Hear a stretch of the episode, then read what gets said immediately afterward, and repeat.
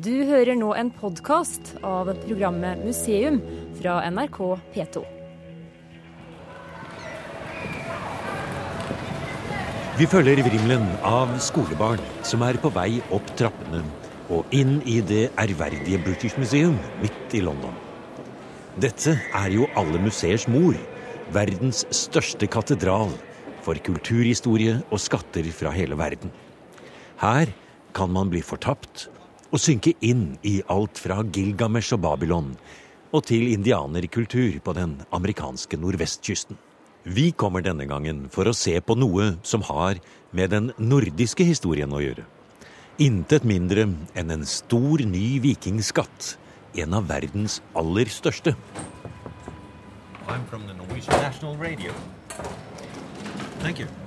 For å høre mer om den banker vi på en avrundet vegg ved siden av en monter i avdelingen for mynter og medaljer i tredje etasje på British Museum. Veggen åpner seg, og inn går vi.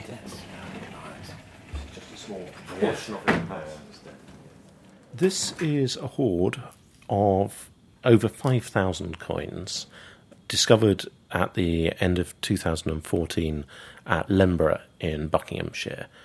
And it's a hoard from the reign of Knut, Knut den Store, uh, the great king who, at the height of his power, was king of England and Denmark and Norway. Lenborough-skatten, sier arkeolog og kurator dr. Gareth Williams ved British Museum. Gareth er en av de aller største eksperter på anglosaksiske og norrøne skattefunn, og vi har tidligere møtt ham her i museum blant annet da den forrige store vikingskatten ble funnet. Det var The Whale of York eller Harrogate-skatten som den også ble kalt. Den gangen var det snakk om drøye 600 mynter. I denne skatten er det 5248 sølvmynter. I dette programmet skal vi straks høre mer fra Gareth om hva disse myntene kan fortelle om vikinghistorien på de britiske øyene. Og vi skal også bli med på en fundraiser, som det heter, i den norske ambassaden i London. Der var det god stemning. For det er noe magisk over en mystisk sølvskatt som har ligget nedgravd i snart 1000 år på et jorde et sted i Buckinghamshire, litt nord for London. Like ved den lille byen der arkeolog Brett Thorne holder til, i Buck County Museum. I mean, it's a fantastic opportunity. It's, it's a once in a career opportunity for me. Um, this period when the kind of the the first Viking king of England and sort of the end of the Saxon period in England is when England, as it stands today, is forming. Buckinghamshire, where we are, is a Saxon county. It's the whole start of Britain or England, certainly, as we know it today. And this is a, a transition period where the the whole country is in turmoil, much like it is today, although perhaps a little more violently. And this opportunity of kind of seeing these coins a thousand years old, a thousand years after Canute takes the throne and, and Ethelred dies. It's a, so it's a, it's a millennial kind of anniversary. But this is a, a, the people who lived where we are, who walked where we are, who did what we do a thousand years ago in our footsteps. It just gives us that little window into their lives and gives us an opportunity to explore it and the history of our county and where the things that we kind of take for granted, the villages that we know, all of them, or most of them, certainly start in the Anglo-Saxon period. So it's their history, and it's, it's the history of our county writ in silver, really. Vår historie for 1000 år siden, skrevet i sølv, var den poetiske beskrivelsen arkeolog Brett Thorne ga av Lenborough-skatten. Tidligere hørte vi kurator Gareth Williams på British Museum si at skatten forteller en historie om den mektige kong Knut, barnebarnet til den danske Harald Blåtann og en av Olav Haraldssons motstandere i kampen om Norge. Knut den mektige ble konge over Norge i 1028, og selv om Olav Haraldsson protesterte og ble hellig noen år senere, så ble han grundig slått av kong Knut flere ganger. Først i et stort sjøslag utenfor Helgeå i 1025. Så satte Knuts allierte i Trøndelag endelig punktum på Stiklestad fem år senere. Da var kong Knut en av de aller mektigste kongene Europa noen gang har sett. Kanskje var det bare den tysk-romerske keiser i Roma som kunne overgå Knut i hele den latinske kristenheten. England, Danmark, Norge og deler av Sverige. Alt lå under kong Knuts Nordsjøimperium. I den nye vikingskatten er det to typer mynter. En mindre del fra den engelske kong Ethelreds tid, og en ganske stor del fra tiden like etterpå, da kong Knut hadde erobret hele England og slo sine egne mynter. Men begge brukte den romerske keiser som symbol på sin kongeverdighet. On each of these different coin types, a Roman bust on one side, and around it the name uh, uh, and title of the ruler. So this one reads Ethelred Ah, Rex. Anglo, short for Anglorum, so Ethelred, King of the English. On the other side, a cross, and then the inscription around that has the name of the moneyer who issued it and the name of the town that he was based in. So this one, if I just find the beginning of it, always starts with a little cross here, and that's Dunstan is the moneyer's name, and then it has MO, short for Moneta on, moneyer at, and then AX, Exeter mm-hmm. in the southwest. So this is known as the long cross type because the cross on the back Yes. extends right mm. to the edge mm. of the coin. It's just like a Norwegian one krone today, actually, because that's the same kind of cross. Very similar. Mm-hmm. You can see also looking at this one, this is not quite so clear. All of these coins have It been. has some dents in it as well. It has some dents in it, and it still has a little bit of surface corrosion. Um, the hoard has been cleaned, so when it first came to me here at the museum, everything was still covered in mud. Um, but my colleagues in the conservation department, uh, led by Pippa Pierce, one of our senior conservators, cleaned everything up enough that we could identify it for the purposes of the, the treasure process. So we have this long cross type, we have the helmet type, and then we have this final type known as the last small cross. So again, a Roman bust with a very simple diadem, um, sort of tags out behind. Om en liten stund skal vi møte den lykkelige mannen som fant denne skatten like før julaften i 2014 med sin metalldetektor. Han blir 15 millioner norske kroner rikere, og selv om han må dele litt med grunneieren, er det selv i våre dager en ganske stor skatt det er snakk om. Men først, la oss holde litt fast på dette med at selve prinsippet med å slå penger, det var noe som akkurat på denne tiden, første del av tusentallet, begynte å ta form på de britiske øyer og rundt i Europa. Men ikke overalt, sier Gareth Williams. Det å innføre og håndheve bruk av penger var et maktpolitisk virkemiddel. Og da var det som sto på myntene, og hvordan kongen var avbildet, en form for massekommunikasjon. En form for PR. Og til å begynne med var det den romerske keiser som symbol kongene ville identifisere seg med. they still saw themselves as the spiritual heirs of Rome, and particularly the relationship between coinage and an ideal of Romanized Christian kingship. Um, one of the aspects of that is the minting of coins. If you were a ruler and bought into that concept of kingship, you issued coins. If you didn't take that view of yourself as a Roman Christian king, you didn't. So, for example, in this period, although the people of Scotland and Wales and Ireland were Christian, they didn't have that Roman concept of kingship, so they didn't issue coins. And it's as that model of Christianity and of Christian kingship spreads that we see places like Norway, for example, um, with Olaf Tryggvason, the first Christian king of Norway, starting to produce coins. In his case, in tiny numbers, it's the symbolism of issuing coins that counts, not their actual monetary use. It's a, a public statement, and it's a public statement in a period where there was no mass media, uh, no NRK. So not everyone could read the inscriptions on the coins in whatever country they were in, but the imagery is important. So by having a Roman emperor and a cross, then you're saying, I am a powerful king and I'm a Christian. Det store myntfunnet fra Lenbrough som konservator Gareth Williams på British Museum forteller om, ble mest sannsynlig gravd ned en gang omkring slutten av kong Knuts regjeringstid, vil si rundt år 1035. På den tiden ble det ikke slått mynt i Norge i det hele tatt. Isteden brukte man vekter og kjøpte og solgte med hakkesølv som betaling. Så i skattefunnet fra Lenbro er det ingen norske, eller for den saks skyld danske mynter, sier Gareth Williams. Alle myntene i funnet er preget i forskjellige lokale myntverk i de små havnebyene på den engelske nordøstkysten, der hvor varene fra Norge og Danmark ble skipet inn og ut av kong Knuts England. What we have almost exclusively in this hoard is English coins, and that seems to reflect the situation in England at the time. Although Knut had this empire linking together England, Denmark, and Norway, the monetary situation in each of those kingdoms was very different.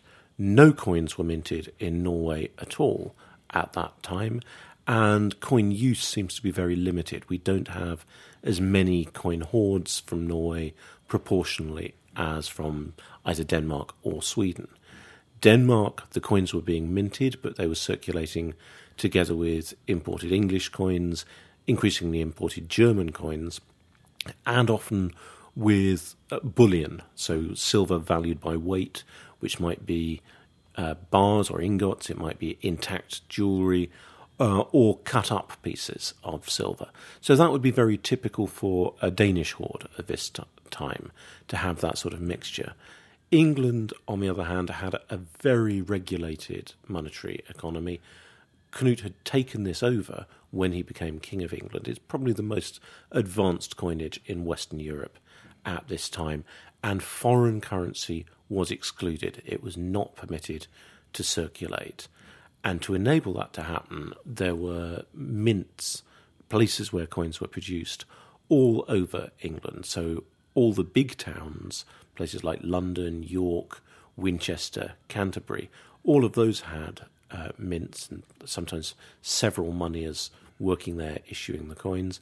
But a lot of the little port towns uh, around the south and east coast of England, places like Sandwich and Dover, it was effectively like a bureau de change today. Et avansert pengesystem med autoriserte myntverk rundt i hele landet som kunne ta imot fremmed valuta i mynter eller sølv- og gullbiter. Dette ble smeltet om og slått til lovlig valuta på stedet mot en liten avgift. Det er som våre dagers vekslingskontorer, sier Gareth Williams. Og i de mer enn 5200 myntene i skatten ligger det mye fremtidig forskning på nettopp denne delen av det engelske pengesystemet. Men hvem var det som kunne ha gravd ned denne store skatten? Den tilsvarer så mye som et helt års inntekter fra hele grevskapet var det beskyttelsespenger betalt av engelske adelsmenn for å unngå å bli plyndret av vikingbander, for øvrig et system som nådde store høyder på denne tiden. Eller hva kan forklaringen være? Må det være noe veldig dramatisk? Kan det ikke like gjerne være en velstående engelsk handelsmann som bor omtrent midt i Sør-England, der skatten ble gravd ned, sier Gareth Williams Kanskje han drev regulær handel i havnebyene ute ved kysten, og solgte til vikingene, som kom inn der fra Norge og Danmark. And this, this is fascinating. Let's say it's a merchant. He's going on a long trading journey. He's not taking all his wealth with him, so he leaves it somewhere safe. And for whatever reason, he doesn't come back. He drops dead of a heart attack um, in the north of England, and no one knows where it is. It may be as, as simple as that. So sometimes these hoards have dramatic explanations. Sometimes it, it may be very simple, and, and, and we won't know. What we can see is that there's a real difference in where the coins come from in the hoard. The Ethelred coins, there are a lot from big mints like London, as one would expect, but coins come from all over the country. A lot of them come from the old kingdom of Wessex, the kingdom of the West Saxons, south of the Thames. And in that area, there were large numbers of very small mints, and a lot of those are well represented, better than you might expect. Uh, the the local mint, the local mint of Buckingham, is not represented in that phase of the hoard at all. Uh, Oxford, which is a relatively local mint, is quite heavily represented.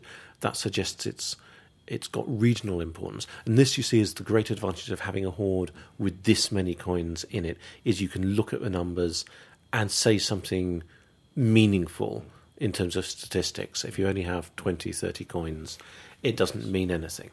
But when we compare that with the coins from the end of Knut's reign in Mahord, the pattern changes. Again, there are coins from all over the country. London, again, is the biggest single mint there. Oxford is dominant. There's a small number of coins from Buckingham now, but not many. But what we see is large numbers of coins coming from the northeast, from towns like York, Lincoln, Stamford, Thetford in uh, Norfolk. These were all towns close to the east coast, linked by rivers to the coast, and part of the trading network that fed into that North Sea empire. Så her har vi med å gjøre en strøm av mynter som går fra disse kystbyene og innover i landet, sier Gareth Williams. Kanskje er skatten fra Lenborough et resultat av overskudd av handel med vikingskip som kom inn til kystbyene mellom York og Norfolk. I så fall, da må det ha gått en tilsvarende strøm av varer fra Sør- og Midt-England og ut til disse byene, med varer som vikingene kjøpte, og som de trengte hjemme i Norge og Danmark. Men hva kunne det være? Something must be heading from Buckinghamshire up to these trading towns, and then almost certainly being traded out of the country, whether across to uh, continental Europe in what's now France and Germany, or to the other part of Knut's empire. And it's in this period of the 11th century that we see in historical sources for the first time the growth of large, large scale trade between England and Norway. It's slightly later in the 11th century we start finding Norwegian coins in towns like those I've mentioned, like York and Lincoln, um, showing the trade is extensive. So I think what this hoard perhaps represents is the accumulated wealth of someone engaged in trade who's trading something from the heart of England up to these trading towns, which then goes across to the rest of Knut's empire.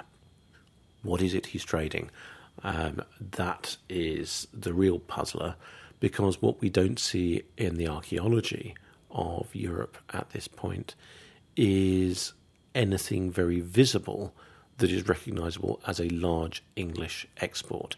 And yet, the silver that these coins are made of was not mined in England, or very little of it was. So we know they must have been trading overseas to get the silver in. What could they be trading that leaves very little trace? Probably wool and woolen cloth. We know in a later period that was the main English export. It's likely that was part of it as well. But at this particular point in time, perhaps grain, Buckinghamshire's good farmland, and having recently acquired Norway, Norway, as you know, doesn't have so much good arable land, it's more pastoral farming there. There might be a growing trade exporting grain to Norway under Knut.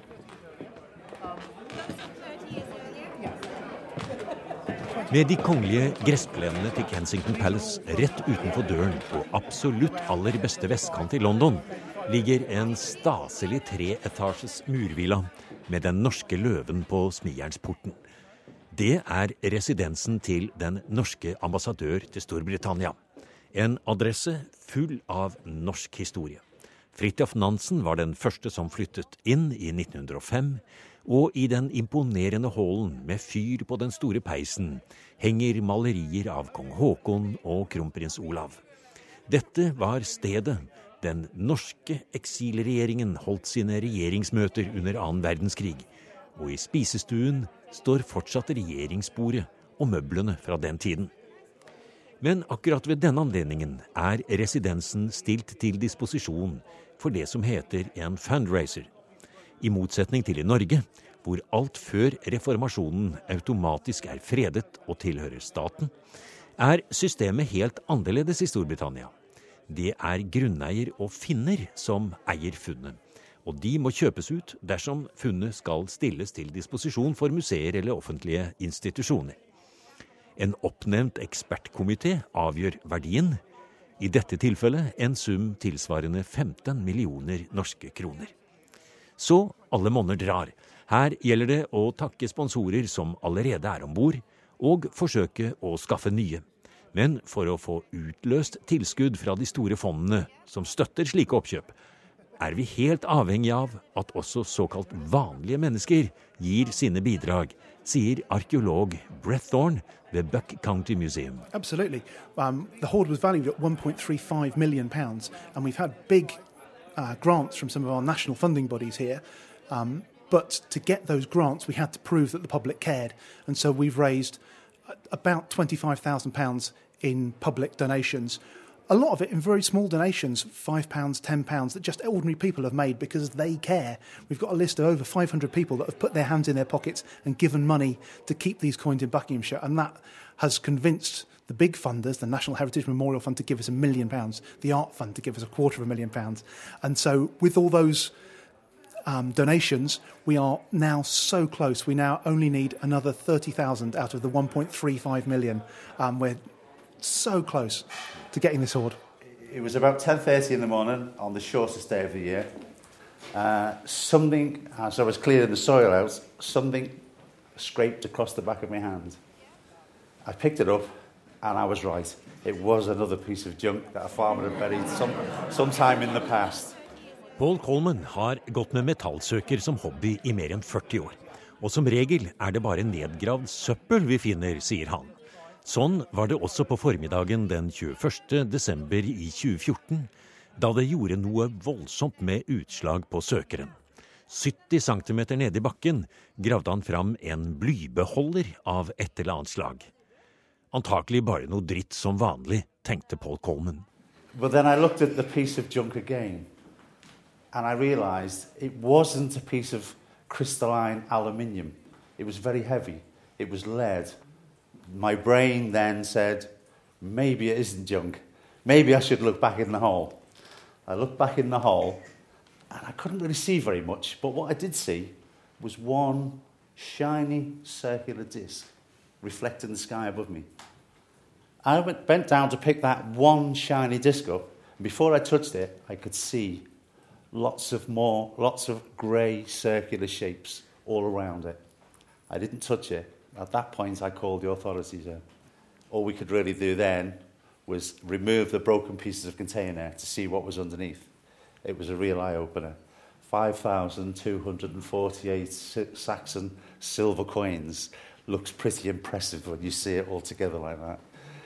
It really was impressive, wasn't it? It's really staggering. It really is something special.